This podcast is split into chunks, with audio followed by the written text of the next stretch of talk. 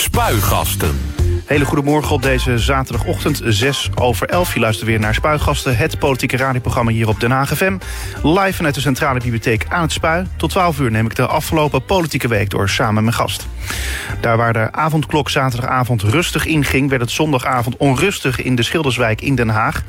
Er waren veel mensen op de been en op de trambaan in de Hobbemaastraat werd er iets in brand gestoken. De Hobbemaastraat werd snel afgesloten en schoongeveegd door de mobiele eenheid. Later werden ook brandjes op de kruising van de Vajantlaan met de Hoefkade gesticht. Een motoragent die aanwezig was in de wijk moest vluchten voor een groep jongeren. Ook werd er gegooid met voorwerpen en uh, zwaar vuurwerk. Hoe kijkt Tweede Kamerlid Chris van Dam van het CDA naar de onrust die is ontstaan na de invoering van de avondklok? Chris, hartelijk goedemorgen. Goedemorgen Ivar. Of een heel goedemorgen moet ik altijd zeggen. Een hele goede morgen. Tegen dat CDA's. Is, uh, ja, CDA's houden daarvan. Helemaal goed. Uh, hoe gaat het? Eigenlijk best goed. Ja, het zijn natuurlijk in politiek Den Haag de laatste weken voor het uh, verkiezingsreces. Dus er moet nog uh, van alles aan de orde komen en behandeld worden. Dus het is best druk. Maar um, ja, weet je, ik zelf sta een beetje onderaan op de lijst van het CDA. Dus ik ben bezig ook met mijn campagne voor te bereiden. Ik, uh, ik wil proberen om met voorkeurstemmen de Kamer in te komen. En ik ben heel, een enorme realist, hè, want ik moet het hele ADO-stadion vol hebben om voor me te stemmen. En ook nog 5000 man op de parkeerplaats. dus dat is een enorme uitdaging. Maar weet je, ik hou van enorme uitdagingen. Dus dat uh, geeft me ook heel veel energie. Ik word ook geholpen door een aantal mensen uit het CDA uit Den Haag. En uh, ja, met elkaar gaan we de wedstrijd aan. Dus ik, uh, daar ben ik heel positief over. En tegelijkertijd... Weet je, ik heb ook een gezin met, uh, met uh, drie gasten van rond de twintig. Ik zie ook de, ja, de tristesse uh, van het thuisleven en van alles wat niet kan. En daar maak ik me ook zorgen over. Ik kan me voorstellen, maar de campagne opzetten, het is 30 januari vandaag. Nee, we gaan bijna los. Dus okay. no worries. Kijk, dat zeggen, dat zeggen campagnestrategen ook. Politici zijn drie maanden van tevoren met die campagne bezig. De media drie weken van tevoren. En de burger drie dagen van tevoren. Dus je moet je kruid ook niet te vroeg verschieten. Nee, dat is ook zo. Aan de andere kant kan het ook juist zo zijn. Of het is, moet het eigenlijk zo zijn, toch? Dat je eigenlijk vier jaar al campagne voert. Omdat je in de Kamer zit en daar je werk doet. En daar kunnen mensen je op afrekenen. Maar dat zo ben, zou het moeten, toch? Dat ben ik ook helemaal met je eens. En dat is ook een, een factor die een rol heeft gespeeld. Om op een gegeven moment te denken. Nou jongens, uh, ik, de, de partij zette mij niet zo hoog. Dus toen dacht ik, dan moet ik het gewoon zelf doen. En ergens zit er een enorme waarheid in. Dat als je in vier jaar tijd niet een bepaald publiek aan je gebonden hebt. Voor bepaalde mensen een relevante politicus bent geworden. Ja, dan mag je je afvragen, wat zit je daar dan te doen in de Tweede Kamer? Ja. Vind je het vervelend? Of het is, of ja, hoe, hoe kijk je eigenlijk op dat moment terug? Dat je toen hoorde dat je ja, toen ergens, volgens mij ergens in de middenmoot stond. Op de, op de lijst van uh, ja. de, de kieslijst van, voor het CDA. Hoe keek je daarop terug? Nou, natuurlijk, ik, ik vond het in die zin vervelend dat ik dacht... wat wordt nou mijn campagneboodschap? Hè? Er komt hier meneer Van Dam binnen van het CDA... en die staat op plek 24. Dat leek mij niet een fijn verhaal. Um, dus, en ik dacht dat er misschien boven mij iemand stond die dan nieuw was... die wel de justitieportefeuille kon gaan doen. Dat bleek niet zo te zijn.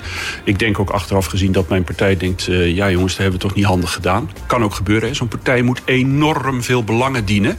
Je bent wel vergevings, uh, vergevingsgezind. Ja, maar ik, wat heb ik eraan om een beetje somber te gaan zitten doen? Ik snap het ook. Ik snap het ergens ook. En ik, ik zit oprecht zo in de wedstrijd dat ik denk... Uh, ik ga het gewoon proberen en het gaat me lukken ook. Echt waar kijk, ook het feit dat ik met die parlementaire ondervragingscommissie bezig ben geweest. Wat ik met hart en ziel heb gedaan. Ja, op zo'n manier laat je zien wat voor politicus je bent of wil zijn.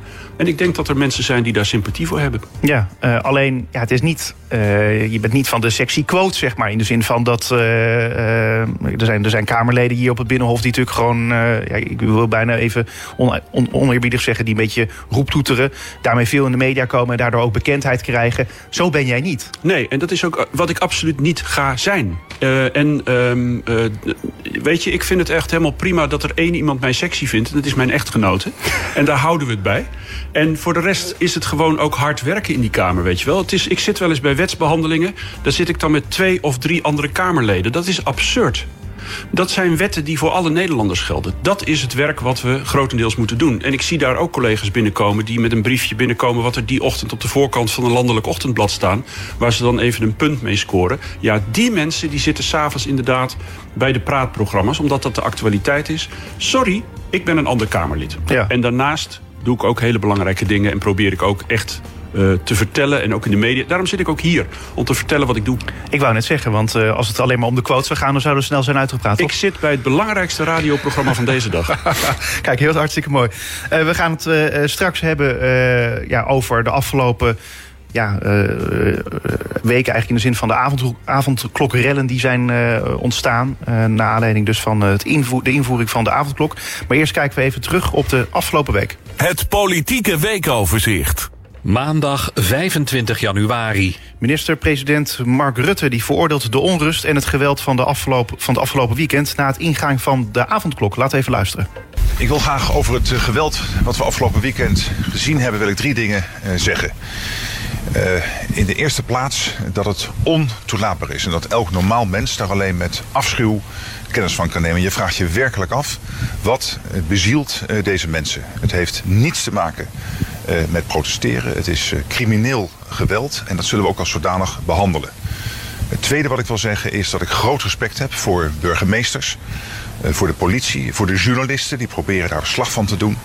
Voor journalisten blijf je af respect voor politie en burgemeesters. De opmerking is dat ik ervan overtuigd ben, uit alles blijkt, dat 99% van Nederland zich houdt aan de maatregelen, zich ook houdt aan de avondklok. Omdat we snappen dat we alleen samen met elkaar in Nederland dat virus eronder krijgen.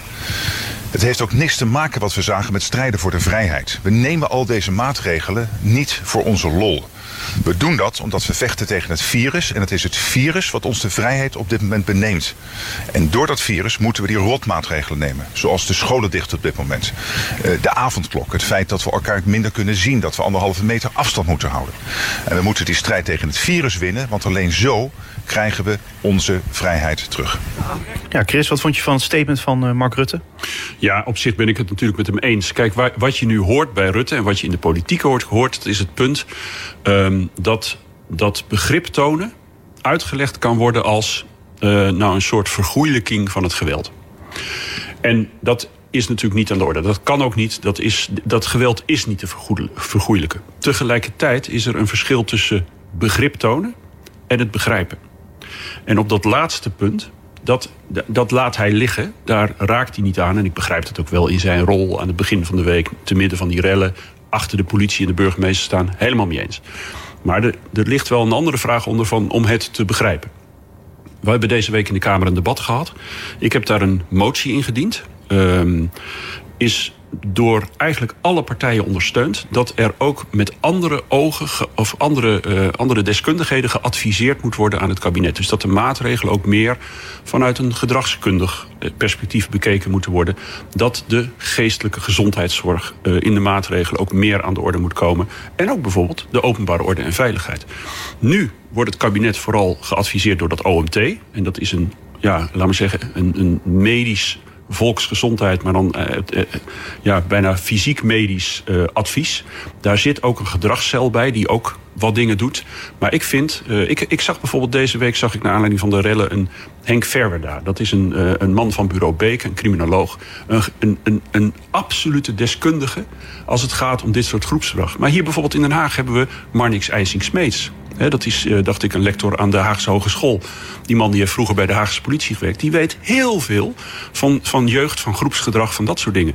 En zo zijn er heel veel deskundigen waarvan ik denk... wij kunnen het ons niet veroorloven om die mensen niet in te zetten op dit moment. Dus ik begrijp heel goed dat Mark Rutte zegt nul begrip. Ik heb ook nul begrip.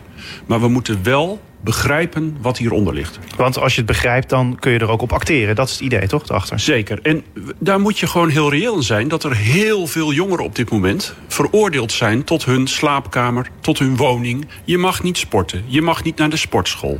Je mag niet voetballen, je mag niet naar school... en je mag niet naar de kroeg. En voor een CDA voeg ik daar ook nog toe... je mag ook niet naar de kerk. Dus het leven is vrij beperkt tot uh, de FIFA 2021 of zo. En uh, laat maar zeggen, Scrabble met je, met je moeder. Ja.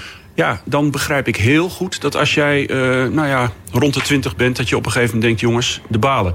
En dan woon ik nog in een huis waar ieder zijn eigen kamer heeft. Maar laten we wel wezen, er zijn heel veel Hagenaars. En ook heel veel Hagenezen die in minder ruime omstandigheden... Hè, waar het leven zich veel meer op straat afspeelt. Wat niet mag s'avonds. Dus als je dat niet begrijpt, als je daar niet een antwoord op hebt, als je die mensen ook niet daarover in gesprek gaat, ja, dan hoef, hoef je. Ik heb echt nul begrip voor iemand die welke winkelketen ook in elkaar hebt. Maar we moeten het wel begrijpen. Ja, uh, dus eigenlijk wat jouw wens is, uh, en dat wordt dus ook uitgevoerd, begrijp ik dan door de Tweede Kamer, is uh, da, da, mede dankzij steun uit de Tweede Kamer, dat er ook aan het OMT dus ook zulke, ja, zulke deskundigen worden toegevoegd? Nou, het, het, de organisatievorm voor mij hoeft. Want mensen zeiden dan wil je dan een extra OMT erbij of een nieuwe adviesraad. Ik heb helemaal geen zin in die organisatorische gedoe. Uh, vraag gewoon een aantal mensen die denk ik ook dolgraag willen adviseren. En betrek dat in je, in je adviezen. Of betrek dat bij het katshuisberaad. Laat wel weten aan de Kamer hoe je dat doet. Hè, dat we daar ook in mee kunnen lezen en kijken. Maar zorg gewoon dat die dingen uh, beter gebeuren. En ja, een ander ding wat ik van de week in de Kamer aan de orde heb gesteld. Kijk. Uh, ik heb echt, ook als ex-politieman, heb ik met, met interesse en, en vol waardering gekeken naar wat de politie heeft gedaan. En dan ja, in Den Haag zijn er rillen geweest, maar laten we wel wezen, in Eindhoven was het natuurlijk was het oorlog gewoon. Ja, Den Bosch ook. Ja, ja absolute respect, waardering. En uh, weet je, normaal is het zo, ja, zeg ik je maar heel even, Ivar, daar luistert uh, hopelijk niemand mee. Maar dan, als dit zich in de stad voordoet, dan gaat de heer Van Dam, zegt s'avonds tegen zijn echtgenoten, nou weet je, ik ga nog even de stad in. Dus dan ga ik op mijn fietsje, met mijn mutsje op, ben ik ook te vinden in de randen van dit soort. Want ja, weet je, ik woon naast Duindorp en ik, ik ken de dus daar ben ik dan dat mag nu niet, dat doe ik nu ook niet. Maar dat is eigenlijk uh, wat ik het liefst doe om het ter plekke te zien.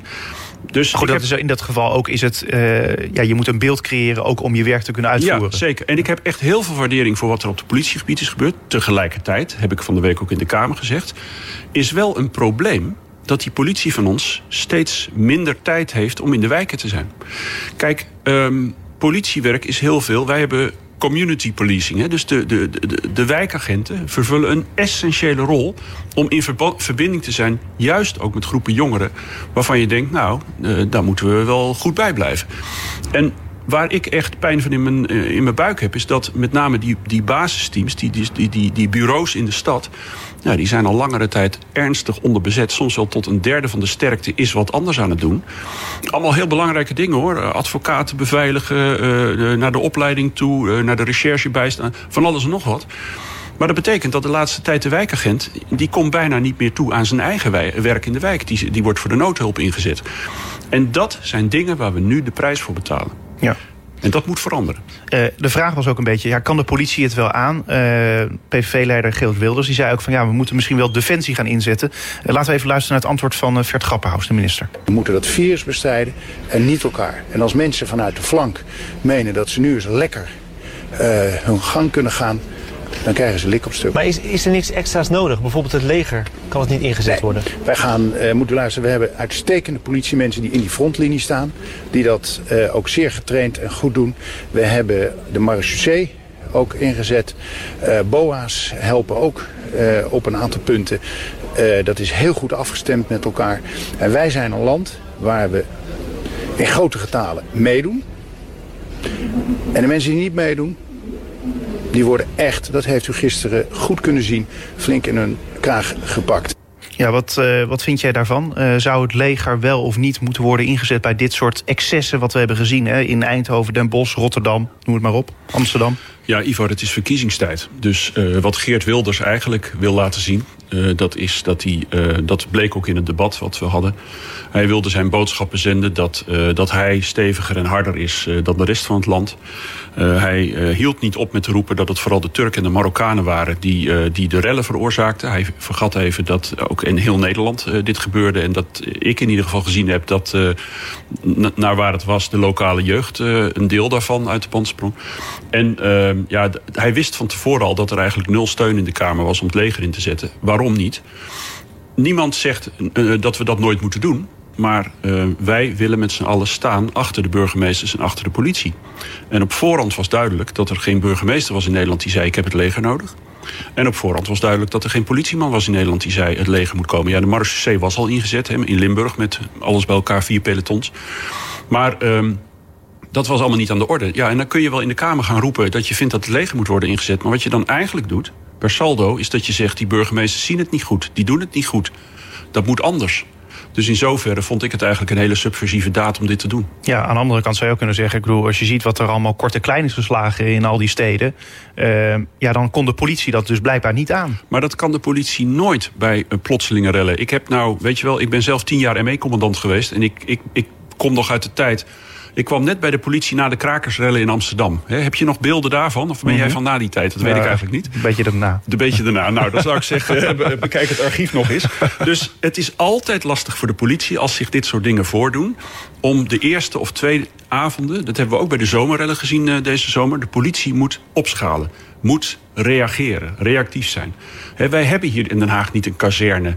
waar de ME dag in dag uit zit te wachten. Ja, we hebben een paraat peloton... Maar meer is er niet. Dus wat dat betreft moet er opgeschaald worden om dat te doen. Dat zie je altijd.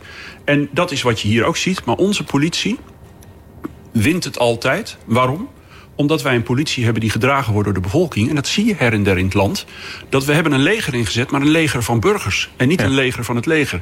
En, en dat is het verschil. En weet je, als het nodig is, moeten we gewoon het leger inzetten. Als, burger, als de burger, uh, Jan van Zaan hier in Den Haag zegt... ik red het niet meer, ik moet het leger hebben. Dat hebben we ook gezien. Met de boerenprotesten Met de boerenprotesten. Alleen toen was het materieel hè, wat er van het leger kwam. Maar laten we wel wezen, we zitten hier op de, de hoek van de, de Grote Marktstraat... in, uh, wat is het hier? Het Spui. Het Spui. En daar, daar, ik heb de foto's nog op de telefoon staan van de legertrucks. Ja, ja. Maar daar stonden ook wel uh, natuurlijk leger uh, mensen bij. Uh, militairen stonden ja, bij, die, bij die trucks. Ja, om die auto te besturen. Maar het is natuurlijk wat anders dat je... en daar hebben wij in onze fractie het ook over gehad. Willen wij op onze eigen bevolking het leger inzetten. Dat is ook een beeld. En laten we wel wezen, een heleboel Nederlanders hebben het al het idee op dit moment dat we een vrij uh, indringende overheid hebben. En zet je daar het leger dan ook nog bij? Vonden wij een brug te ver. Ja. Was ook niet nodig. Kan ook juist weer als katalysator werken. Dat is eigenlijk dan meer, ja, uh, toch? We, Nou ja, we moeten, we, we, moeten eerder minder dan meer doen op dit vlak. Ja. Helder. Uh, we gaan door naar de volgende dag. Dinsdag 26 januari. Het water staat veel horecaondernemers in deze coronacrisis aan de lippen. Maar bij café De Pakschuit aan de Dunne Bierkade loopt het water al naar binnen. De terrasboot die staat flink onder water en is half gezonken. Een dag later wordt er een eh, crowdfunding opgezet. En binnen 24 uur is er zo'n 40.000 euro ingezameld. Door de boot weer kan worden gerepareerd. Heb je dat nieuws nog een beetje kunnen volgen in het geweld? Ik Nieuws uit je, eigen stad? Nou, ik moet je zeggen dat deze echt volkomen aan mij voorbij is gegaan. Ken je wel de pakschuit of niet? Ja, ja die ken ik. Ja, ik, Loop, uh, ik loop twee keer in de week van mijn huis naar de kamer toe. Want anders, ik heb nogal een uh, zittende baan. Dan loop ik daar langs. Kijk eens aan, ja. Nou ja, ik zou zeggen, loop dus even naar binnen. Ja. En, uh, bestel een koffie, kopje koffie daar of zo. Uh, waar, waar was deze? De, de, de pakschuit aan de dunne bierkade. Nee, oh, ik heb, ik, de, daar loop ik helemaal niet. Dus om, de, de, de, om even de waarheid te dienen. Fake nieuws. Fake nieuws. Nee, ik loop langs de Toussaintkade daar. Oh, en daar in de buurt van de oude bibliotheek. Ik dacht dat daar was. Want dan heb je ook zo'n prachtige nee, Dat is Café de Biep. Ja. De Biep, ja. Ah, ja. Uh, maar deze heeft dus ook een terrasboot. en die is dus gezonken. Maar dus goed nieuws ja, het, het wordt gerepareerd. Ivar, uh, de eerste, de beste gelegenheid zou ik jou graag op een consumptie trakteren op, het, uh, op, het, op, op deze boot. Mooi volgende dag. Woensdag 27 januari. Met de ongeregeldheden van de afgelopen dagen is het voor veel mensen lastig om optimistisch te blijven. Naar aanleiding van de avondklokkerellen vond eh, Fabianne Wassenaar het daarom tijd voor een beetje positiviteit. Zij besloot een kaartjesactie op te zetten om de politie een hart onder de riem te steken. Het kan nu ook wat lastiger zijn om je kaartje in de winkel te halen, maar je kan hem bijvoorbeeld online versturen naar een eh, politiebureau van jouw keuze. En ook heeft ze bij het Hobbemaplein bossen bloemen op uh, straat gezet, waarvan mensen gewoon gratis een bloemetje je mee konden nemen. Vind je, vind je van zulke acties? Ja, ik vind het echt prachtig. Ik vind echt, en dat zie je ook op allerlei plekken... deze crisis brengt ook uh, her en der heel vaak het beste van mensen boven. En uh, ja, het ontroert me zelfs. Ja, um, snap je iets dat, dat mensen dat dan ja, zo ineens gaan opstarten? Ja, snap ik zeker. Mensen willen ook zelf een bijdrage leveren op de een of andere manier. En dat, dat kan op allerlei manieren. En uh, ja, dit, dit snap ik helemaal. Ja, mooi. Donderdag 28 januari. Het is nu zeker dat de verhuizing van de Tweede Kamer komende zomer doorgaat. Daarover was de afgelopen tijd veel te doen. Een deel van de Kamer twijfelt aan het nut uh, en de noodzaak van de verhuizing. En denkt dat het goedkoper is om tijdens de renovatie op het Binnenhof te blijven werken. Maar dat zou ook meer coronaproof zijn. Maar het kabinet vindt dat uh, de geplande verbouwing zo snel mogelijk moet beginnen. En dat er vertrek naar het voormalige ministerie van Buitenlandse Zaken daarvoor de beste optie is. Verheug je al een beetje op die verhuizing? Ja. ja, ik moet je zeggen dat ik denk ik het enige Kamerlid ben wat hier echt totaal neutraal in zit. Er zijn collega's van mij die vinden het vreselijk dat we weg moeten van het Binnenhof. Ja, ik vind het ook uh, ik vind het een hele bijzondere plek. Ik vind het een ontzettende eer dat ik daar mag werken. In dat bijzondere gebouw van kruipdoor, sluipdoor dingen. Maar jongens, het is een gebouw. Hè? En het gebouw is wel, als ik daar in het weekend kom... ik ga er straks even naartoe ja, dan, uh, dan komt het geregeld voor dat ik toch een paar muizen in mijn kamer zie scharrelen. Of ik, maar ja, dat kan ook hier zijn in de Centrale Bibliotheek nee, aan het Spui. Ja, maar dit is een, een modern pand, uh, Ivar. En daar, uh, bijvoorbeeld in de, in de winter is het bitter, bitter koud op mijn kamer. Ik krijg het ook niet warm gestoten. Ik, ik, neem van huis een kacheltje mee om het nog een beetje warm te houden. Ik zit de hele dag met gordijn dicht. Anders tocht het zo gigantisch door die ramen heen. Dubbele ramen, hè? maar ja, kierend. En in de zomer, uh, ja, dan, dan, uh, dan. Nou, ik heb geen airco, dan zou je die willen. Dus het is, er zit geen sprinklerinstallatie in. Dus als, als er een keer brand uitbreekt. Nou, interessant. Uh, dan kan ik opnieuw beginnen als Kamerlid. Dus ja, weet je. En uh, mijn computerverbinding is regelmatig... moet er weer een, een, iets ge, gerommeld worden. Niet, niet aan de computer, maar aan de verbinding. Omdat ze gewoon... Ja, die, dat hele netwerk is gewoon te oud. Hmm. Dus, uh, het is niet dat de muizen eraan knagen? Nou, weet ik wat daar ergens achter de schermen gebeurt. Maar dus in zoverre is dat pand gewoon dringend toe aan, aan onderhoud. Jongens, laten we er een beetje zakelijk in zijn. En dan kun je beter in één keer verkassen naar een nieuw pand. En dat heeft ongemakken. Het is, het is zeker ongemak. Maar wie, ik ben vroeger wel eens in het ministerie van Buitenlandse Zaken geweest. Ja, het is gewoon een modern kantoorpand. Van ook alle gemakken voorzien is, meen ik al voor. 650 miljoen aan verspijkerd. Om die Kamer, dat, we, we gooien toch geen 650 miljoen weg? Nee. Dus ik zit daar eerlijk gezegd vrij neutraal in. Nou, ik vind je niet zo neutraal meer nu hoor. Oh, ben ik niet neutraal? Nee. Oh. Nou, laat ik het zo zeggen. Vergeleken met al die diehards die kost wat kost in de Kamer willen blijven... zit ik er uh, ja, genuanceerd in. Genuanceerd in, ja. ja. Maar kortom, het is wel hard nodig. Ik, uh, is het in jouw Kamer ook wel zo dat je als je bijvoorbeeld nou ja, iets van het behang kan wegtrekken... of zo, dat je dan meteen ziet dat die hele muur ook gewoon bijna uh, ja, instort? Ik heb nog nooit... Ik heb wel een keer een spijker in de muur geslagen daar... om een, om een schilderijtje op te hangen. En uh, ja, wat dat betreft... Uh, dan moet je niet te veel doen. Nee, dat kan me voorstellen. Helemaal goed. Vrijdag 29 januari. ME'ers moeten binnen de politieorganisatie als eerder, eerste worden gevaccineerd tegen het coronavirus. Korpschef Henk van Essen vindt een, van de nationale politie roept het kabinet op daar werk van uh, te maken.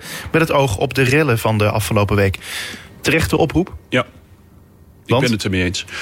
Um, en dan bedoel ik ermee dat uh, we in het, in het schema hebben we eerst een hele categorie mensen met een onderliggende ziekte, kwetsbaar, die moeten eerst. Maar daarna komt de, de, de grote bubs van de Nederlandse bevolking. En volgens mij zou je net daarvoor dit soort uh, mensen moeten vaccineren, dit soort agenten. Kijk, en, en daar zitten ook vast ook nog andere beroepen bij die je moet doen. Een agent um, die moet gaan knokken in de Hobbemastraat. Ja, een mondkapje is niet direct een optie. Anderhalve meter afstand houden gaat ook niet lukken. Uh, je komt bij mensen terecht die juist ervoor kiezen om in strijd met de regels zich daar op te houden. Nou, lijkt mij een groep die misschien wel eerder vatbaar is voor het virus dan mensen die thuis op anderhalve meter afstand s'avonds om acht uur in bed gaan liggen. Dus ja, dan denk ik bij mezelf, uh, de, de mensen die dat voor ons op, uh, opknappen, die klus, die moeten we adequaat beschermen. Maar is het niet een beetje laat, deze oproep? Um, nou, nee, het is niet laat, want het is nog op tijd om het in te passen in die vaccinatiestrategie. Dus uh, wat dat betreft uh, denk ik dat het uh, juist prima op tijd is. Ja, maar ik denk dat ja, had het niet wat eerder gekund? Of is het misschien eerst achter de schermen geprobeerd en dan nu, ja, nu het nog niet lijkt te werken of niet echt aangekomen is bij het kabinet, dan, dan maar openbaar maken? Nou ja, ik, ik weet dat de politievakbonden al eerder een brief hebben gestuurd aan, aan het kabinet om dit voor elkaar te krijgen. En dat dat nog niet gelukt is. Ik moet je zeggen dat ik pas weet dat ze die brief hebben gestuurd vorige week. Maar ik, uh, ja, op dit moment ik kan niet anders zeggen dan dat ik het een logische vraag vind. Ja. Denk je dat het kabinet erin meegaat? Vooralsnog niet. Ik denk namelijk dat het kabinet ook wel denkt... ja jongens, we krijgen dan eerst die, dan die, dan die, van alles en nog wat. Dus um, ja, er, gaat, uh, er, er komt zoveel nuance komt er dan in de plannen... dat we het op het laatst ook niet meer weten. Helder. Zaterdag 30 januari. De politie is voorbereid op nieuwe demonstraties in het weekend en extra alert op ongeregeldheden. De kans bestaat dat goed bedoelde demonstraties en manifestaties worden gekaapt door relschoppers, waarschuwt de korpschef Henk van Essen van de Nationale Politie. Is dat ook een beetje jouw vrees voor dit weekend? Um, ergens denk ik dat, um, dat het ventiel ingedrukt is en dat de druk er een beetje af is met de, met de rellen die zij hebben plaatsgevonden. Verder zie ik ook, daar ben ik ook wel benieuwd naar. We hebben dinsdag weer een persconferentie. Nou, ik zag gisteren uh, al verschillende kabinetsleden een beetje voorsorteren op dat er, uh, dat er wat verruimende maatregelen komen. Met name naar de scholen toe. En verder denk ik dat, um, en dat is heel belangrijk, dat de samenleving zich meer is gaan uitspreken en afgekeurd heeft wat er is. Ik zag ergens een poll dat 94% van de Nederlanders nul begrip heeft voor uh, vernielingen, rellen en dat soort dingen. En ik denk dat dat heel belangrijk is. Ook een oproep aan de luisteraars: spreek je uit. En dat hoeft echt niet alleen op de radio. Maar dat kan ook aan de keukentafel. Ga in gesprek met, uh, met, nou ja, met je gasten thuis. Of met de buurkinderen of met de buurouders uh, of wie dan ook. Spreek je uit. Um, ik had ooit een keer een, een leidinggever en die zei... alleen sprekende mensen kunnen geholpen worden. Maar ja, dan moet je er wel het gesprek aangaan met elkaar. En daar zit al heel veel in. Want um, nogmaals, ik denk dat terecht... Uh, heel veel jongeren ook de balen ervan hebben, zich gefrustreerd voelen enzovoort. En als je dan ja, dat bespreekbaar kunt maken en ook gehoord wordt daarin, dan helpt dat echt. Helder. Tot zover het weekoverzicht. Meer nieuws vind je op onze website denhagfm.nl. Spuigasten. En we gaan het uh, hebben over de avondklokrellen. In vergelijking met de Brabantse steden bleef het in Den Haag afgelopen weken redelijk rustig. De enige plek waar het uh, avondenlang spookte was in de Schilderswijk. De avondklok die ging zaterdag in. Uh, politie inzet om de avondklok te handhaven. Chris van Dam, Tweede Kamerlid voor het CDA. Ja, hoe is het volgens jou verlopen toen zaterdag? Hier in Den Haag? Hier in Den Haag? Ja, Um, kijk, iedere rel uh, is, is, is niet goed, is fout, is verkeerd. Uh, ook wat er in de Hoppemastraat is gebeurd. Ja, dat was pas um, zondag. Dat was, oh, zondag. Ja, ja ik, ik heb zelf een beetje het beeld dat... Um, ik moet je zeggen dat ik wel wat vuurwerk heb gehoord. Uh, links en rechts. maar ik heb, het, ik heb all over het, het beeld dat het in Den Haag relatief rustig is verlopen. Ja, uh, maar als het gaat om bijvoorbeeld de politie inzet... Ik bedoel, ja, de, de, de avondklok ja, moest worden gehandhaafd. Daar word je, daar word je ja. eigenlijk, als je daarover nadenkt, helemaal doodziek van. Ik was hier uh, maandag of dinsdagavond in de stad. En uh, toen fietste ik naar huis om een uur of zeven, acht. Ik denk, nou, ga ik even door de Grote Marktstraat. maar dat was natuurlijk kansloos, want daar mocht ik niet door, terecht. Maar als je dan ziet hoeveel politie er rondrijdt, hoeveel er is... en als je dan bedenkt dat dat allemaal politiemensen zijn die eigenlijk vanaf bureaus gewoon in de Haagse regio komen. Waar ze dus niet, uh, laat maar zeggen, ja, als jij aangifte hebt gedaan van een woninginbraak of van mishandeling, ja, dat wordt dan niet behandeld. Blijft dat, allemaal liggen. Dat blijft liggen en er blijft van alles liggen. Dus uh, in zoverre is het uh, ja, is niks gratis. Nee. Heb je enig idee, want je hebt contact met die politieagenten... hoe ze het zelf hebben ervaren? Was het iets waar ze misschien tegenop keken... om die avondklok te moeten handhaven? Ik bedoel, er werd natuurlijk van tevoren gezegd... Van, nou ja, de, of de vraag was of de agent het überhaupt wel he, aankonden qua capaciteit. Um, ja, heb je enig idee hoe ze daar nou, naar keken? De politie heeft natuurlijk altijd gezegd... Uh, uh, denk niet dat wij dat in ons eentje kunnen handhaven. Er zal echt wel een soort support moeten zijn vanuit de bevolking om dit te doen. En ik denk ook heel terecht dat de politie niet als een soort uh, ja, heksenjacht op zoek gaat naar iedereen die met een onaangelijnde hond rondloopt, bij wijze van spreken. Dus ja, weet je, we kunnen dat allemaal bij de politie neerleggen, maar we moeten dat met elkaar doen. En wat dan helpt, is dat degene die daar echt uh, uh, heel uitdrukkelijk uh, op zijn Haags gezegd scheid aan heeft, dat die wel inderdaad door de politie wordt aangesproken. Ja, nou is het waar ik eigenlijk naartoe wil vanwege het capaciteitsprobleem wat de politie dan heeft. Het is een druk jaar geweest hè, met al die demonstraties. vooral ook natuurlijk heel veel demonstraties tegen het coronabeleid. Veel demonstraties liepen ook uit de hand. Dat lijkt me ook intensief voor al die agenten. Politie loopt op het tandvlees, toch? Ja, dat, dat is zo tegelijkertijd. Weet je, uh, ik, ik heb jarenlang daar gewerkt. En ik kan me bijvoorbeeld nog enorm goed herinneren... dat we de golfoorlog hadden in de jaren 80, 90, ergens daaromtrent. Ik stond nog op het strand. Hè, dan kwamen al die uh, helikopters... Die, die kwamen met een schip aan in IJmuiden... en die, die, werden, die vlogen dan langs de kust. Nou, in die tijd. Toen was er enorm veel ambassadebewaking. Wekenlang. Enorme inspanning. Uh, we hebben de aanslagen gehad van de ETA hier in Den Haag. Uh, op een gegeven moment. Uh, ook op het Lange Voorhout en bij de Riauwstraat.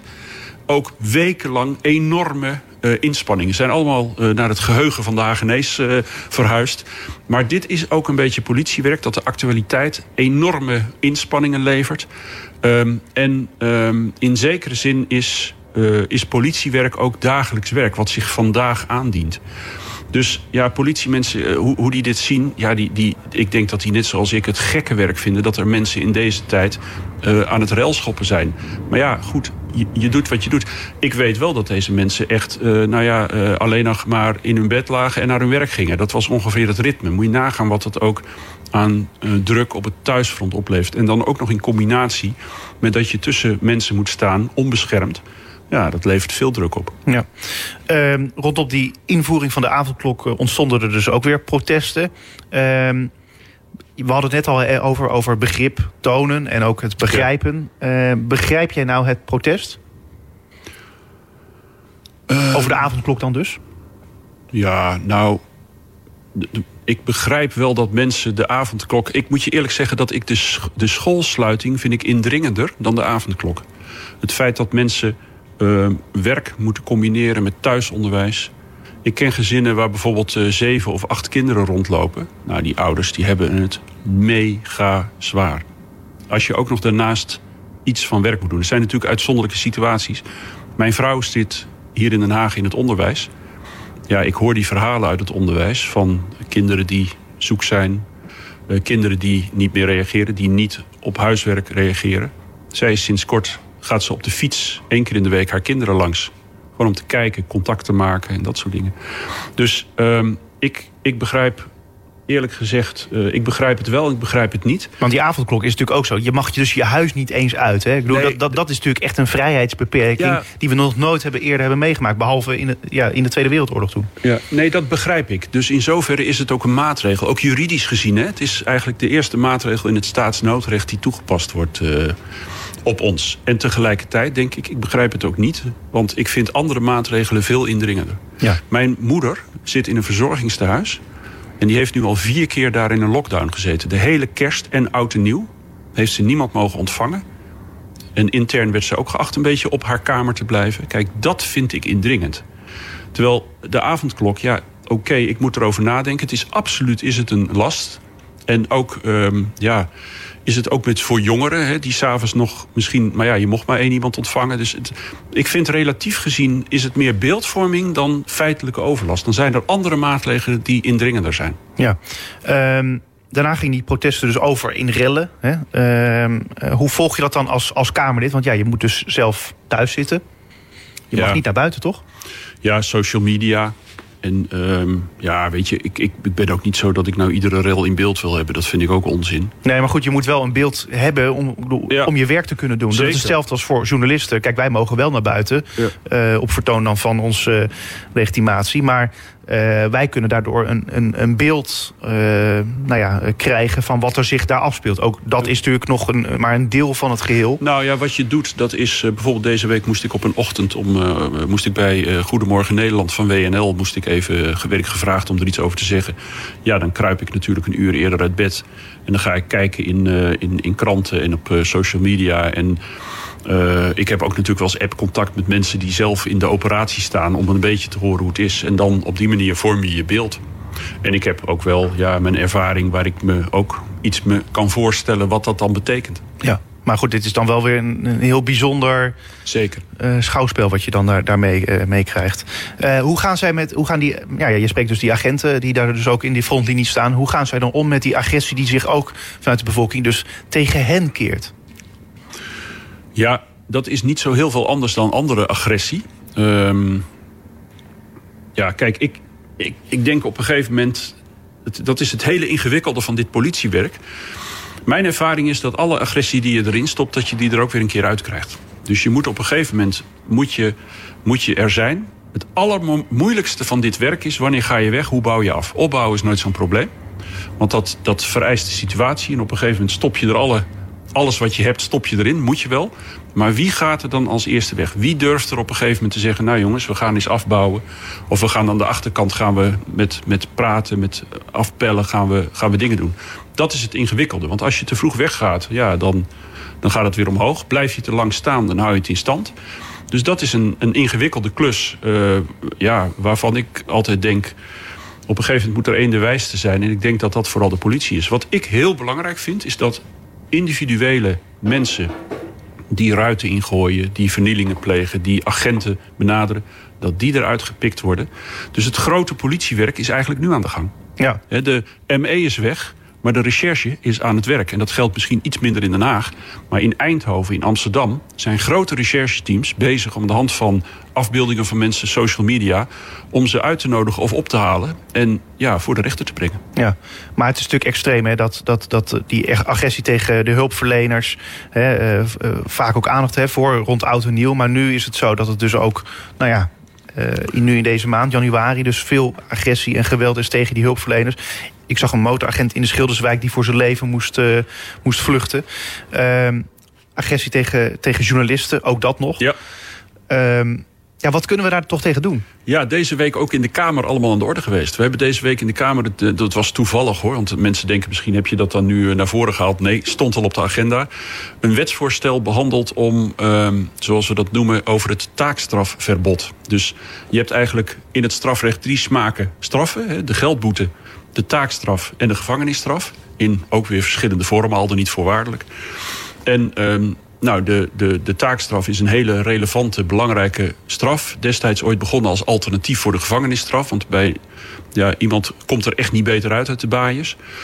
Eh, maar we hebben al eerder gezegd dat er bepaalde delicten zijn waarvan we zeggen alleen maar daar een taakstraf voor opleggen als eh, straf, dat is onvoldoende. Eh, en dat zijn in het verleden zware geweldsmisdrijven en zedendelicten. En deze week is met een wetsvoorstel hebben wij, ehm, eh, heeft het kabinet voorgesteld daar ook geweld tegen politieagenten, hulpverleners. Maar ook bijvoorbeeld een onderwijzer in zijn hoedanigheid van publiek figuur die eh, de samenleving dient, of een conducteur of wat dan ook. eh, om, om daar ook het taakstrafverbod. En dat betekent niet dat er geen taakstraf mag worden opgelegd, maar dat niet alleen er een taakstraf. Er moet ook een onvoorwaardelijke straf bij. Uh, en dat hebben wij, heb ik van harte gesteund. Omdat ik gewoon. We hebben, we hebben de afgelopen jaren hebben we enorme programma's gedaan. Veiligheid, publieke taak. Met allemaal uh, manieren om te voorkomen. Met voorlichtingscampagnes. Ik weet niet of je nog kan herinneren dat er een ambulance was die als een soort tank door de straten reed. Op, op, op, op, in een reclame. Om te laten zien wat het betekent voor, voor mensen, voor, voor in dit geval ambulancepersoneel, wat, wat agressie betekent. Nou, er zijn allemaal programma's geweest, die lopen ook nog steeds. Maar ik constateer dat dat geweld ja, toch nog steeds hardnekkig blijft. Dus ik denk dat in aanvulling op al die programma's wij een heldere boodschap moeten uitstralen aan, uh, aan iedereen van onze bevolking en sommige mensen in het bijzonder. Kom jij met je handen aan een hulpverlener, een politieman, een brand, nou noem het allemaal op, dan is het brommen. Ja, maar goed, strengere straffen. De vraag is dat, en blijft natuurlijk altijd: heeft het daadwerkelijk zin? En zorg je niet voor dat mensen juist nog veel meer, uh, ja, bijvoorbeeld geweldsdelicten veroorzaken? Nou, ik denk niet dat uh, mensen meer geweldsdelicten veroorzaken. Ik denk overigens ook, dat kwam in de Kamer aan de orde, dat de pakkans dat dat heel belangrijk is. Daarom vind ik het zo goed dat de politie niet denkt na die rellen... nou jongens, dat was het dan en we gaan weer door. Nee, nu moeten die mensen die, uh, laat maar zeggen... zich schuldig hebben gemaakt aan feitelijke vernielingen... moeten opgepakt worden en moeten berecht worden. Ik vind het super wat ze in Brabant doen... dat ze nu alvast beslag leggen op vermogensbestanddelen van mensen... om die later in te kunnen zetten... om mensen, winkeliers, hun schade te betalen.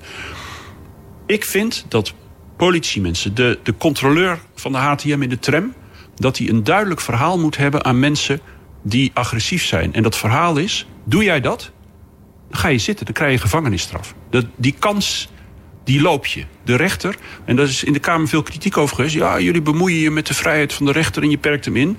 Zeker, dat doen we. Maar ik vind dat het ook best een taak van de politiek is... om kaders te stellen waarbinnen de rechter overigens alle vrijheid heeft... Oh, waar de rechter alle vrijheid heeft op een gegeven moment... om dan in de concrete zaak het goede te doen. Maar al worden er maar één, twee of drie dagen gevangenisstraf opgelegd... de boodschap moet helder zijn. Je moet van die mensen afblijven. Helder. Uh, en, en, en ook het supersnelrecht, dat is natuurlijk ook wel... Uh, daarmee is ook een beetje psychologisch... Hè, dat je daarmee ervoor zorgt dat, dat misschien de rellen voor de komende dagen... misschien ook wel wat minder worden. Omdat mensen weten, als je zo daaraan meedoet... dan word je meteen ook bestraft. De Haagse uh, politie, de Haagse Openbaar Ministerie en de Haagse rechtbank hebben een langjarige traditie en ervaring als het gaat om supersnelrecht rond oud en nieuw, rond ADO. Daar heb ik alle vertrouwen in. Chris van Dam, uh, dankjewel. En blijf nog even zitten, ja. want dan gaan we luisteren naar de column van Marcel Verrek. Stadgenoten, het zijn spannende tijden waarin veel op het oog vaststaande zaken worden omgedraaid. Vooral aan het begin van deze week werden er nogal wat vaststaande zaken omgedraaid. En in ieder geval losgemaakt uit de vertrouwde omgeving en meegenomen naar een ongewisse plek. Mijn vriend, de pathologische gitaar en woordspeler Johan Vrouwenvelder sprak treffend van de avondknok. Elders hoorde ik de mooie term railshoppers.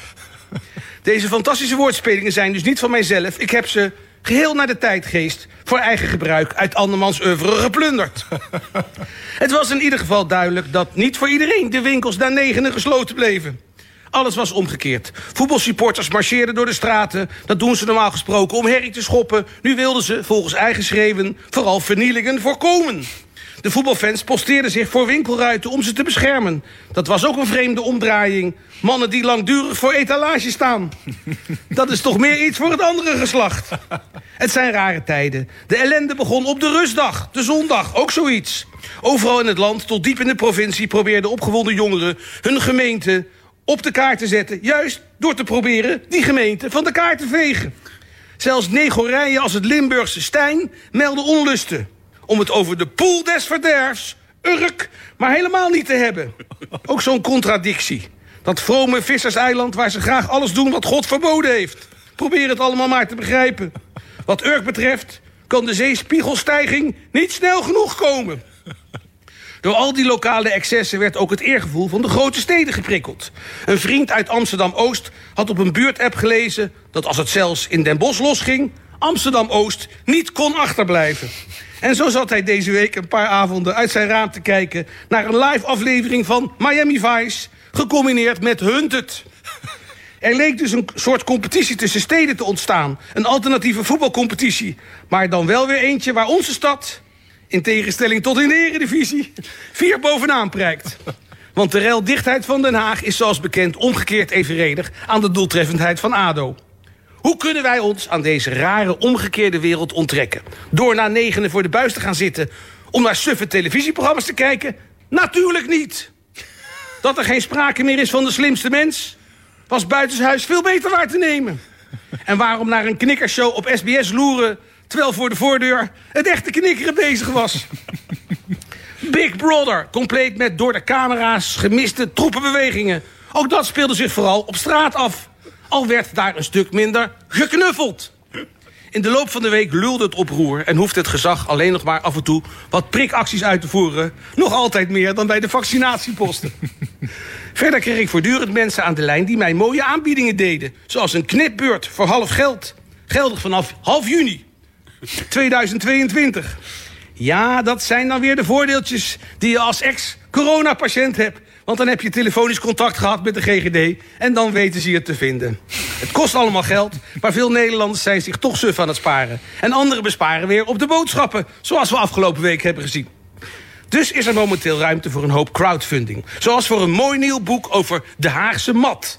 Deze unieke haarstijl verdient een boek. En als er veel wordt opgehaald, kan er ook in meervoud gedacht worden... om een ander stuk cultuureigen uit onze stad te beschrijven. Dat boek zou dan het Haagse Matten moeten heten. Alleen vrees ik dat je dan elk kwartaal een supplement zal moeten uitbrengen. Zeker als je er ook de politiek bij betrekt. Afijn, meneer Van Dam weet er alles van als progressief in het CDA. Dan krijg je al snel klappen. Crowdfunding tenslotte ook voor de eigenaresse van een gezonken terrasboot in de Dunne Bierkade. Het Haagse schip gedroeg zich zoals zijn stamgasten dat vroeger deden. Het liet zich helemaal vollopen. Hou je Haags en je hoofd erbij. Wees voorzichtig, geniet van het goede. En tot snel. Marcel Verrek, dankjewel. En bedankt voor het luisteren naar Spuigasten voor deze week. Bedankt voor het luisteren dus. En tot volgende week.